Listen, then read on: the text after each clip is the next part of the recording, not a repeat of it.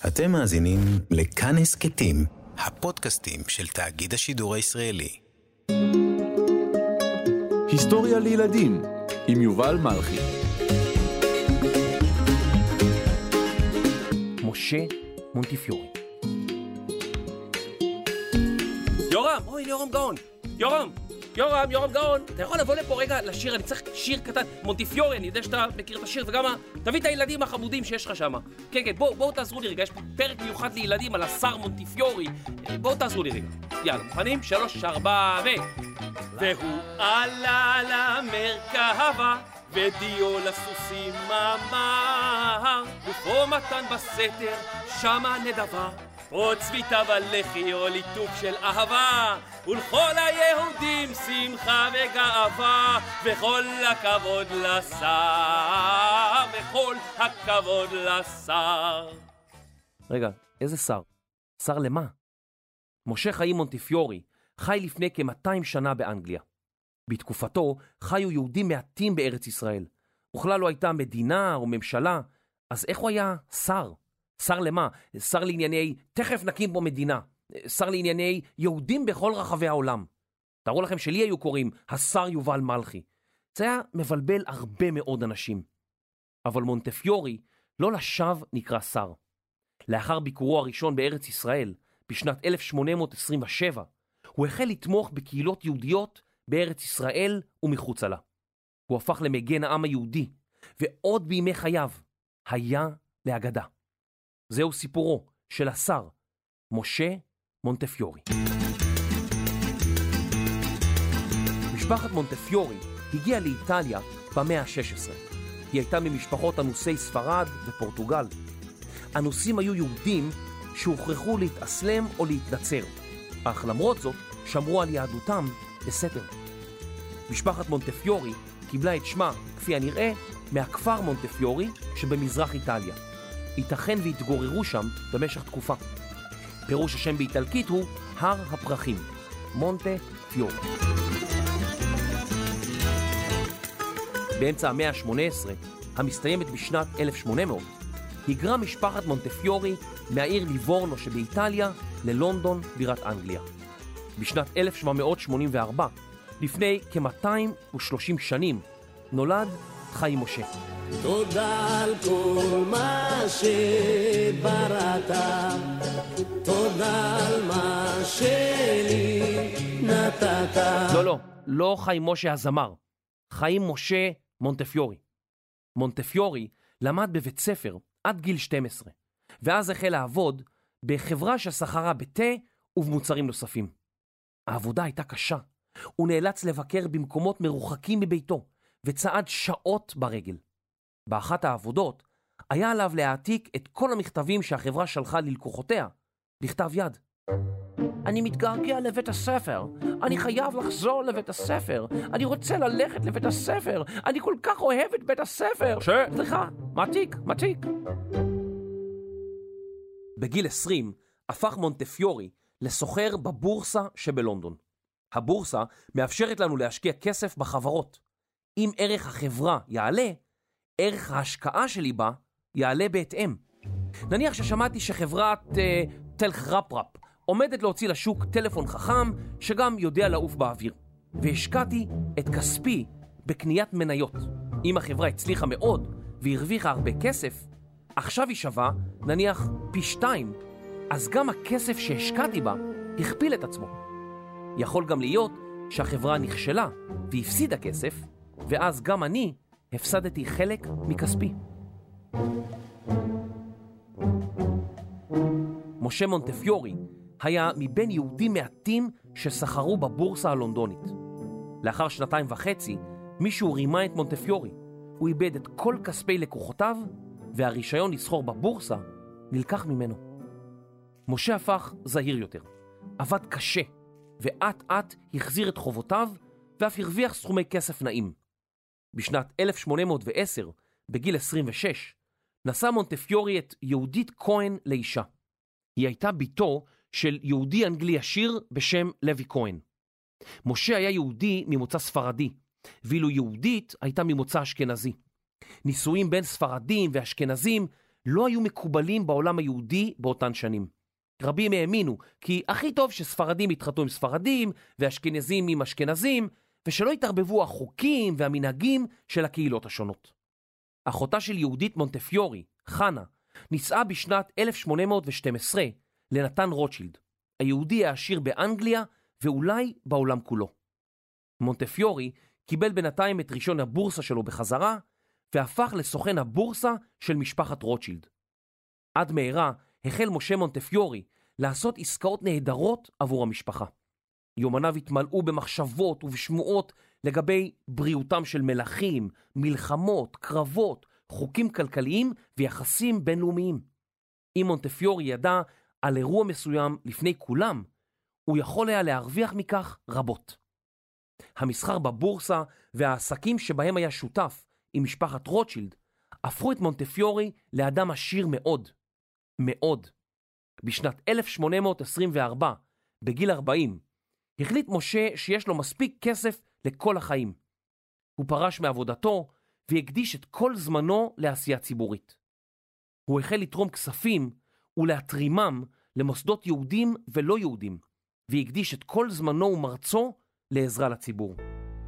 האנגלים התרשמו מאוד מפועלו של מונטפיורי, שהיה אדם חסון וגבוה, ואף התנדב לשירות בצבא האנגלי. הוא נבחר כחבר האקדמיה המלכותית למדעים, נבחר לשריף של העיר לונדון, תפקיד הדומה לסגן ראש עיריית לונדון, ואף זכה בתואר אבירות מידיה של המלכה ויקטוריה. משה החל לעזור ליהודים אנגלים רבים שפנו אליו. בשנת 1827 יצאו משה מונטיפיורי ואשתו יהודית למסע ארוך, ומתוכו שהו שבוע אחד בארץ ישראל, שהייתה אז חלק מהאימפריה העות'מאנית. המסע שלהם היה מפרך, ולעיתים אף מסוכן. במשך חודשים רבים שטו באוניות, הלכו ברגל ורכבו על סוסים וגמלים. כשהגיע מונטפיורי לירושלים, עיר הקודש, הוא נדהם ממה שראה. מצאתי שם, כתב מאוחר יותר בספר זיכרונותיו, 50 משפחות ספרדים, 40 אשכנזים ו-200 אלמנות זקנות, בעוני ובחוסר קול. יהודית אשתו כתבה ביומנה, מונטפיורי היה עד לשממת חיי היהודים העניים והאביונים. הוא היה נחוש בדעתו למצוא דרכים לעזור להם. יהודית, ראית תושבי ירושלים? כמה עניים הם. ראיתי, משה, זה נורא ואיום. מה נעשה, יהודית? איך נעזור להם? אם נתרום כסף, הוא ייגמר. משה, מה אם נלמד אותם מקצוע, והם יעבדו וירוויחו כסף בעצמם? או, יהודית, את גאונה. זה בדיוק מה שנעשה. את יודעת, אולי יום אחד יקראו על שמך אה, גשר. על שמי? גשר שלם? או, משה, אתה כזה רומנטיק. בעקבות המפגש עם תושבי ירושלים, העניים והמרודים, החליטו הוא ורעייתו לעזור לתושבי העיר. מונטפיורי הבין שתרומה כספית תספיק לזמן מוגבל. הוא רצה להקים עבורם בתי מסחר ותעשייה, או לרכוש חלקות חקלאיות, כדי שיוכלו לעבוד ולהרוויח כסף בעצמם, ולא להיות תלויים בתרומות של אחרים. הביקור בירושלים השפיע מאוד על מונטפיורי, גם מבחינה רוחנית ודתית. עם שובו לאנגליה, קיבל על עצמו מונטפיורי להקפיד יותר על שמירת מצוות הדת, להתמסר לענייני צדקה ועזרה לנזקקים. לנסיעותיו צירף שוחט כדי שיוכלו הוא ומשפחתו לאכול בשר כשר בדרכים. אבל משהו נוסף קרה. מונטפיורי החל לשמוע על צרותיהם של יהודים בכל רחבי העולם, ולא רק בארץ ישראל. והוא היה נחוש לנסות לעזור להם. מסוף המאה ה-18 החלה החברה באירופה להיפתח. יהודים לא היו צריכים להתגורר בשכונות משלהם ויכלו לעבוד בעבודות רבות שלא היו פתוחות בפניהם קודם לכן. נוצרים רבים לא ראו בעין יפה את שילובם המהיר של יהודים בחברתם והחלו לחשוש מהם. למרות שאירופה נפתחה לרעיונות חדשים, היא גם הפכה לאנטישמית, שונאת יהודים. במקומות רבים הועמדו יהודים למשפט, אף על פי שהיו חפים מפשע. חלקם נזרקו לבתי סוהר בטענות שווא וסבלו מאוד. מונטפיורי לא יכול היה לשבת בחיבוק ידיים. אתמול קמתי מהשינה וכל הצד נתפס לי. כשאני מנסה לחבק את עצמי, זה ממש כואב לי, פה ופה. נתפס לי הצד, אני, אני ממש לא יכול לשבת בחיבוק ידיים. התכוונתי שלא יכולת לשבת ולראות מה קורה ליהודים. כלומר, חיבוק ידיים, לא לעשות שום דבר. או, oh, חיבוק ידיים, כלומר לא לעשות כלום דבר. זה נכון, זה נכון, זה מאוד נכון. בשנת 1837 החריבה רעידת אדמה את העיר צפת ופגעה קשות בטבריה. יישובים רבים נוספים גם הם נפגעו. מונטפיורי שמע על האירוע והחל לתכנן ביקור נוסף בארץ ישראל. באביב 1839, 12 שנים לאחר ביקורו הראשון, הגיע מונטפיורי לארץ ישראל לביקור שארך שלושה שבועות. הוא ביקר בצפת ובטבריה והעניק לתושבים היהודים מענק כספי. הוא העניק גם מענקים כספיים לקהילות יהודיות במצרים, ביירות ודמשק. בירושלים פרצה באותה העת מגפה, ומונטפיורי לא יכול היה לבקר בעיר. הוא הצטער מאוד, ועם שובו לאנגליה, שלח רופא שהגיע לארץ ישראל עם מכשור רפואי וכמות נכבדה של תרופות. במהלך ביקורו אסף מונטפיורי נתונים על תושבי הארץ, כיוון שהוא רצה למצוא פתרון לבעיות הפרנסה שלהם. הוא החל לחשוב כי הדרך היא הקמת יישובים חקלאיים עבורם. אולם בפני התושבים היהודיים עמדה בעיה, כיוון שעדרי הבדואים והערבים היו פוגעים ביבול, ולא הייתה דרך למנוע זאת מהם. ואז, בשנת 1840, התרחש דבר נורא. בשנת 1840 שלט בדמשק שבסוריה מוחמד עלי המצרי. מצרים כבשה חלקים מהאימפריה העות'מאנית באותה תקופה, אך לזמן קצר בלבד. בדמשק נעלמו נזיר צרפתי ומשרתו המוסלמי. אל השלטונות הגיעו שמועות מפי נוצרים כי היהודים רצחו את הנזיר מפני שהיו זקוקים לדם נוצרי לאפיית מצות בחג הפסח. זאת הייתה עלילת דם שמקורה באירופה, והיא הגיעה גם למזרח התיכון.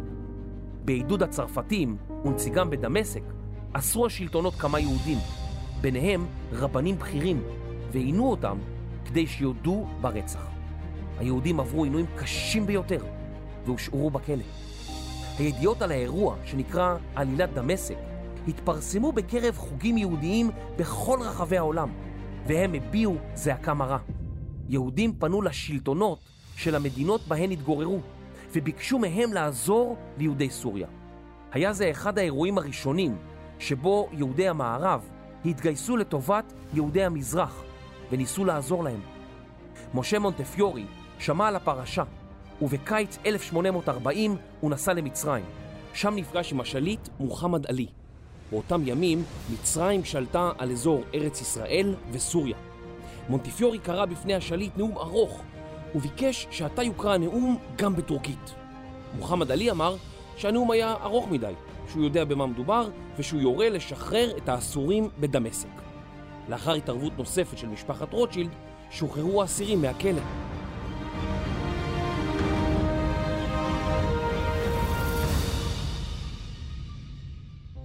מונטפיורי נסע ממצרים לאיסטנבול. שם נפגש עם הסולטן העות'מאני. הוא חשש שיהודים נוספים ייפגעו מעלילות הדם, וביקש להקדים תרופה למכה.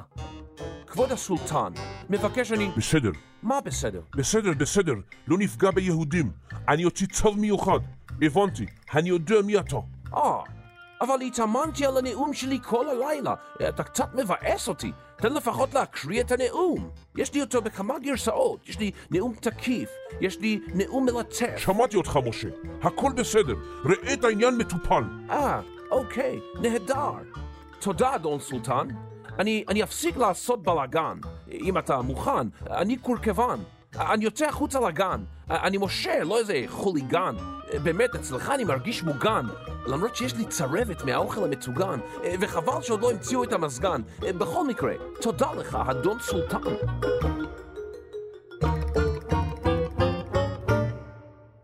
הסולטן נענה לבקשתו של מונטפיורי, והוציא צו מיוחד שאסר להפיץ עלילות דם ברחבי האימפריה העות'מאנית.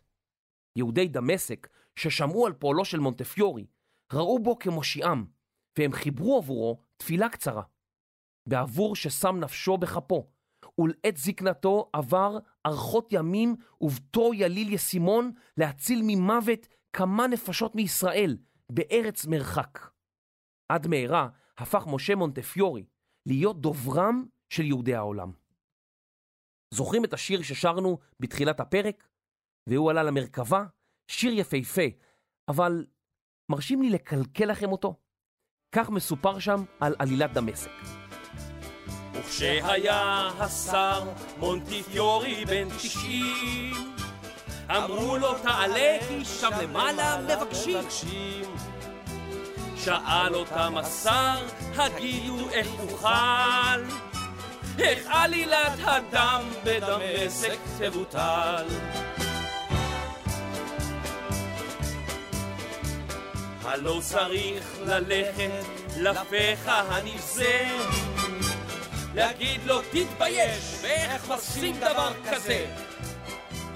ואם צריך לשים לו ביד איזה בקשיש ממתנה גדולה שאיש בה לא ירגיש אז מי אם לא אני?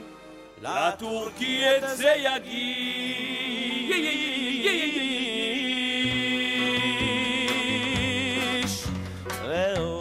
אז עלילת הדם התרחשה תחת שלטון מצרי ולא טורקי, ומונטיפיורי לא היה בן 90, אלא רק בן 56. רואים איך לפעמים משהו שאנחנו בטוחים שהוא נכון, הוא למעשה סילוף של ההיסטוריה? השיר הזה מדהים, אבל הוא גם קצת מטעה. בשנת 1846 שמע מונטפיורי כי יהודי רוסיה עוברים זמנים קשים. הוא נסע לרוסיה ונפגש עם הצאר הרוסי וניסה לשכנע אותו לבטל פקודות כנגד היהודים ולשפר את חייהם. מונטפיורי לא נסע למדינות שונות רק כדי להציל קהילות יהודיות, אלא גם כדי להציל אנשים יחידים, ואפילו ילדים. בשנת 1859 הגיע מונטפיורי לרומא כדי לעזור למשפחה יהודייה שבנה הוטבל בסתר לנצרות. כשהיה ילד בן שנתיים, רצתה המטפלת שלו להצילו ממחלה קשה, ולכן הטבילה אותו בסתר לנצרות כדי לגאול אותו ממחלתו.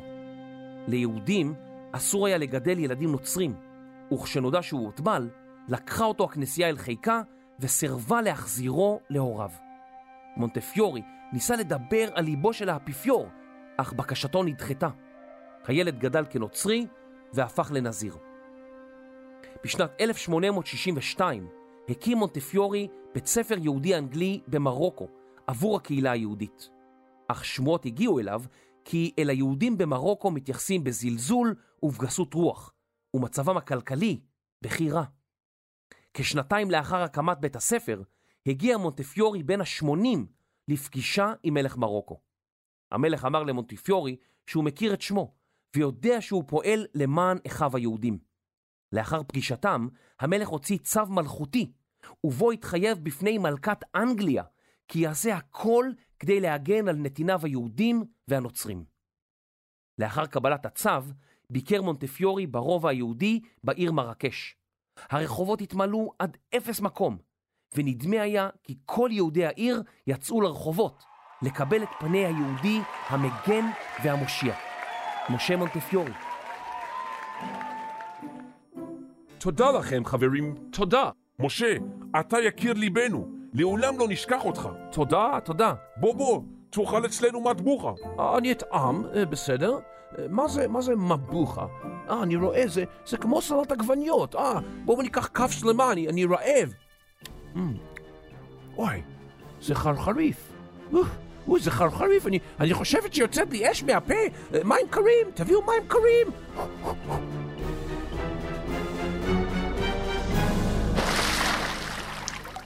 בשנת 1867 החלו פרעות ברומניה כנגד יהודים.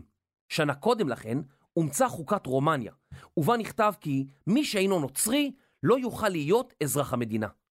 האווירה האנטישמית הלכה והתחזקה, ורומנים רבים יצאו להפגין בעד גירוש היהודים מהמדינה. בקיץ 1867 הגיע מונטיפיורי בן ה-83 לרומניה, כדי להתערב ולעזור ליהודי המדינה.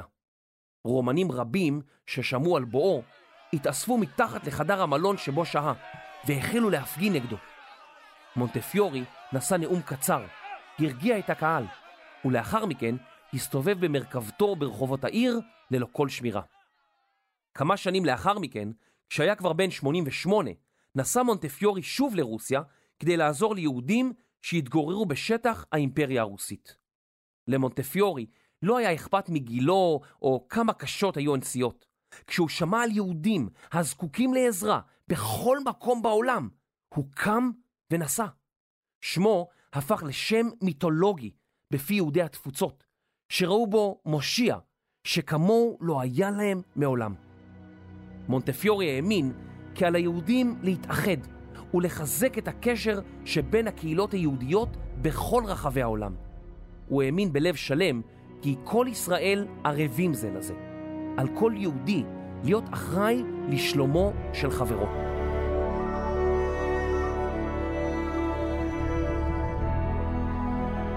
מונטפיורי המשיך לבקר בארץ ישראל שוב ושוב. בשנת 1849, בביקורו השלישי בארץ, התקבל בשמחה על ידי תושבי ירושלים ורבניה. המוני יהודים יצאו לקבל את פניו של מונטפיורי, אותו הם כינו המושיע. מונטפיורי תרם כספים רבים שאסף באירופה עבור תושבי הארץ, והחל לפעול למען הקמת קופת תמיכה ליולדות עניות ולהקמת בית אריגה שפועליו יהיו יהודים. מונטפיורי לא רק תרם כספים בעצמו, אלא התרים כספים, כלומר ביקש מאחרים לתרום, עבור יהודי ארץ ישראל. איש עסקים יהודי אמריקני בשם יהודה תורה הפך לסוחר מצליח והוריש למונטפיורי את כל הונו כדי שיעשה בו שימוש למטרות בעלות אופן יהודי. בשנת 1855 הגיע מונטפיורי לביקורו הרביעי בארץ ישראל. הוא תרם כסף לבניית תחנת רוח שתטחן קמח ותספק תעסוקה וקמח לתושבי ירושלים. אחדים מתושבי ירושלים החרדים חששו שתוכניות התעסוקה של מונטפיורי יגרמו להפסקת תרומות מחוץ לארץ והכריזו עליו חרם.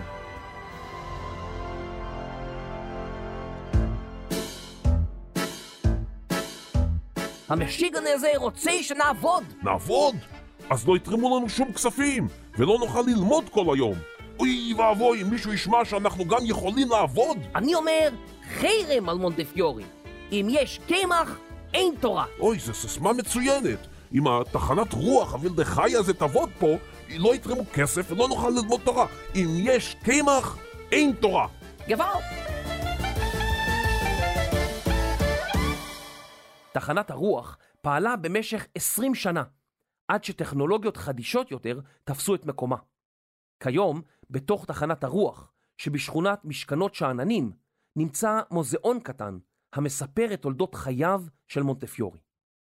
באותו ביקור בירושלים הקימו מונטפיורי ואשתו יהודית בית ספר לבנות, שבו נלמדו קרוא וכתוב בעברית ומלאכות שנשים נהגו לבצע, למשל תפירה והריגה. בית הספר לא צלח ונסגר לאחר שנה וחצי. החל מאותו ביקור פעל מונטפיורי להקמת שכונה חדשה מחוץ לחומות העיר העתיקה בירושלים. לפני כ-160 שנים לא היו שכונות מחוץ לעיר העתיקה, וכל יהודי העיר התגוררו בצפיפות. השכונה הראשונה של מונטפיורי נקראה משכנות שאננים. שמה נלקח מספר ישעיהו, שם נאמר, וישב עמי בנווה שלום, ובמשכנות מבטחים, ובמנוחת שאננות. הכוונה היא ללא מורא או חשש, מפני שהיה קצת מסוכן באותם ימים לצאת מן החומות בלילה. היו שודדי דרכים, תנים, חיות אחרות. מה זה היה הרעש הזה? שמעתם את זה? עכשיו שמעתם? אל תגידו שאני ממציא, היה רעש של משהו. אה, רחל, שמעת את הרעש הזה? אה, כן, אני בודקת פה אפקטים. אוף, כמעט נבהלתי למוות. מחוץ ליפו קנה מונטפיורי פרדס קטן, וקרא לו גן מונטפיורי. הוא קיווה כי תושבי הארץ היהודים יבואו לעבוד בעבודת האדמה ויהפכו לחקלאים. כיום נקרא המקום שכונת מונטפיורי, והרחוב הראשי שחוצה אותו נקרא יהודית. מעניין לאו דווקא יהודית. יהודית, מה זה קשור למונטפיורי? אתם יכולים לעזור לי? אה, נכון, בטח, אשתו, יהודית מונטפיורי. טובים אתם. עוד מעט גם תוכלו ללכת על גשר יהודית מעל נתיבי איילון. יהודית, יד ימינו של משה מונטפיורי, הלכה לעולמה בשנת 1862. הם היו נשואים במשך 50 שנה, ולא הביאו ילדים לעולם. מונטפיורי כתב עליה כי למן היום הראשון לזיווגנו, ועד היום הזה, מצאתי תמיד סיבות חדשות לאהוב ולכבד את אשתי יותר ויותר. כמוה לא הייתה עוד בעולם אישה טובה ונעימה. גם בביקורו בארץ בשנת 1865 ניסה מונטפיורי לקדם תוכניות להקמת יישובים חקלאיים. בביקורו השביעי והאחרון בשנת 1875 כבר היה בן 90, גיל ממש ממש מופלג בימיו. הוא התפעל מבית הספר החקלאי מקווה ישראל ומהאופן שבו התפתחה ארץ ישראל. תושבי הארץ ויהודי העולם התפעלו דווקא ממנו ומיכולתו לעמוד במסעות קשים וארוכים בגיל 90. כבר בימי חייו הפך משה מונטפיורי למעין גיבור על של היהודים בעולם. למען האמת, הוא הפך ליותר מזה. מונטפיורי היה מעין נביא, הראשון שקנה פרדס, הראשון שהקים תעשייה זעירה של טקסטיל ודפוס, הראשון שהקים שכונה מחוץ לחומות העיר העתיקה בירושלים. הוא בנה בתי חולים ומרפאות, דאג לרופאים ולתרופות, תכנן לייסד יישובים חקלאיים ומסילת ברזל בין יפו לירושלים. כל אלו התגשמו בחייו, או כמה שנים לאחר מותו. בשנת 1884 חגגו קהילות יהודיות בכל העולם את יום הולדתו המאה של משה מונטפיורי, או כפי שנקרא, היהודי האנגלי הנודע ביותר בהיסטוריה. בשנת 1885, כשהיה בן 101, הלך משה מונטפיורי לעולמו. הוא נקבר בעיר מגוריו בבריטניה. שמו של מונטפיורי נמצא כיום בכל פינה. בירושלים ישנן חמש שכונות הקרויות על שמו. ימין משה, מזכרת משה, זיכרון משה, אוהל משה וקריית משה. בערים רבות נקראו רחובות על שמו, ובכל רחבי העולם קרויים בתי כנסת ומרכזים רפואיים על שמו של האיש המיוחד הזה. מונטפיורי זכה לכבוד מיוחד כשדיוקנו הופיע על שטר של עשר לירות ישראליות וגם על מטבע שקל בשנות ה-80. חלק מעלילותיו של מונטפיורי הונצחו בשיר המפורסם השר משה מונטפיורי, שכתב חיים חפר, הלחין דובי זלצר ושר יהורם גאון.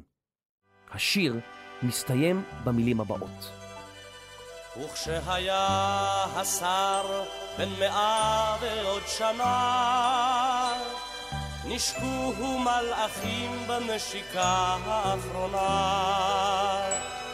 וכך את העיניים עצם הוא בבוקשו, רק אבן ירושלמית מתחת לראשו.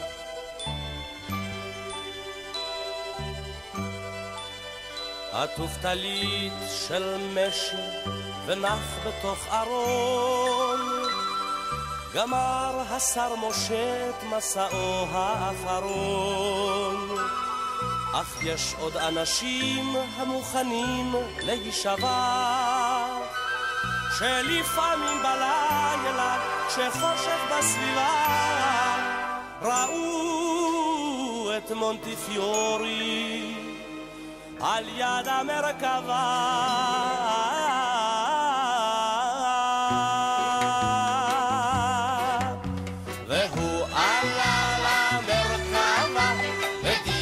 לסוסים אמר, הוא פה מגן בסתר ושמה נדבה, הוא פה צביתה בלחי או ליטוט של אהבה, ולכל היהודים שמחה וגאווה, כל הכבוד אל השר. כיום תוכלו לראות את מרכבתו של מונטיפיורי ברחבת תחנת הרוח, בשכונת משכנות שאננים בירושלים. וכשאתם שם, תסתכלו סביב, לא רק עם העיניים. אלא גם עם הלב. ואולי תוכלו לראות את משה מונטפיור.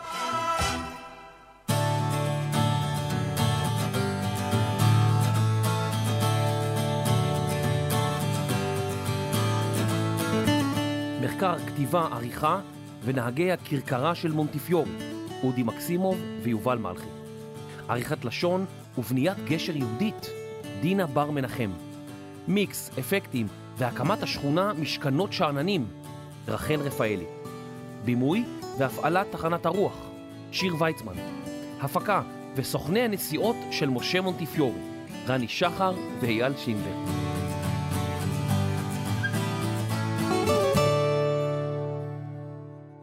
ילדים והורים יקרים, אם אתם אוהבים את ההסכת היסטוריה לילדים, נשמח שתעזרו לנו. דרגו אותנו בכל חנויות האפליקציות, ברשימת הפודקאסטים של אפל, בספוטיפיי ובכל מקום שאתם יכולים לדרג אותנו. רוצים לדבר איתנו? כנסו לקבוצת הטלגרם שלנו, היסטוריה לילדים. רשמו לנו מה חשבתם, העירו לנו הערות, שילחו לנו הצעות לפרקים, ותוכלו להתעדכן בפרקים חדשים ובאירועים קרובים. תודה רבה.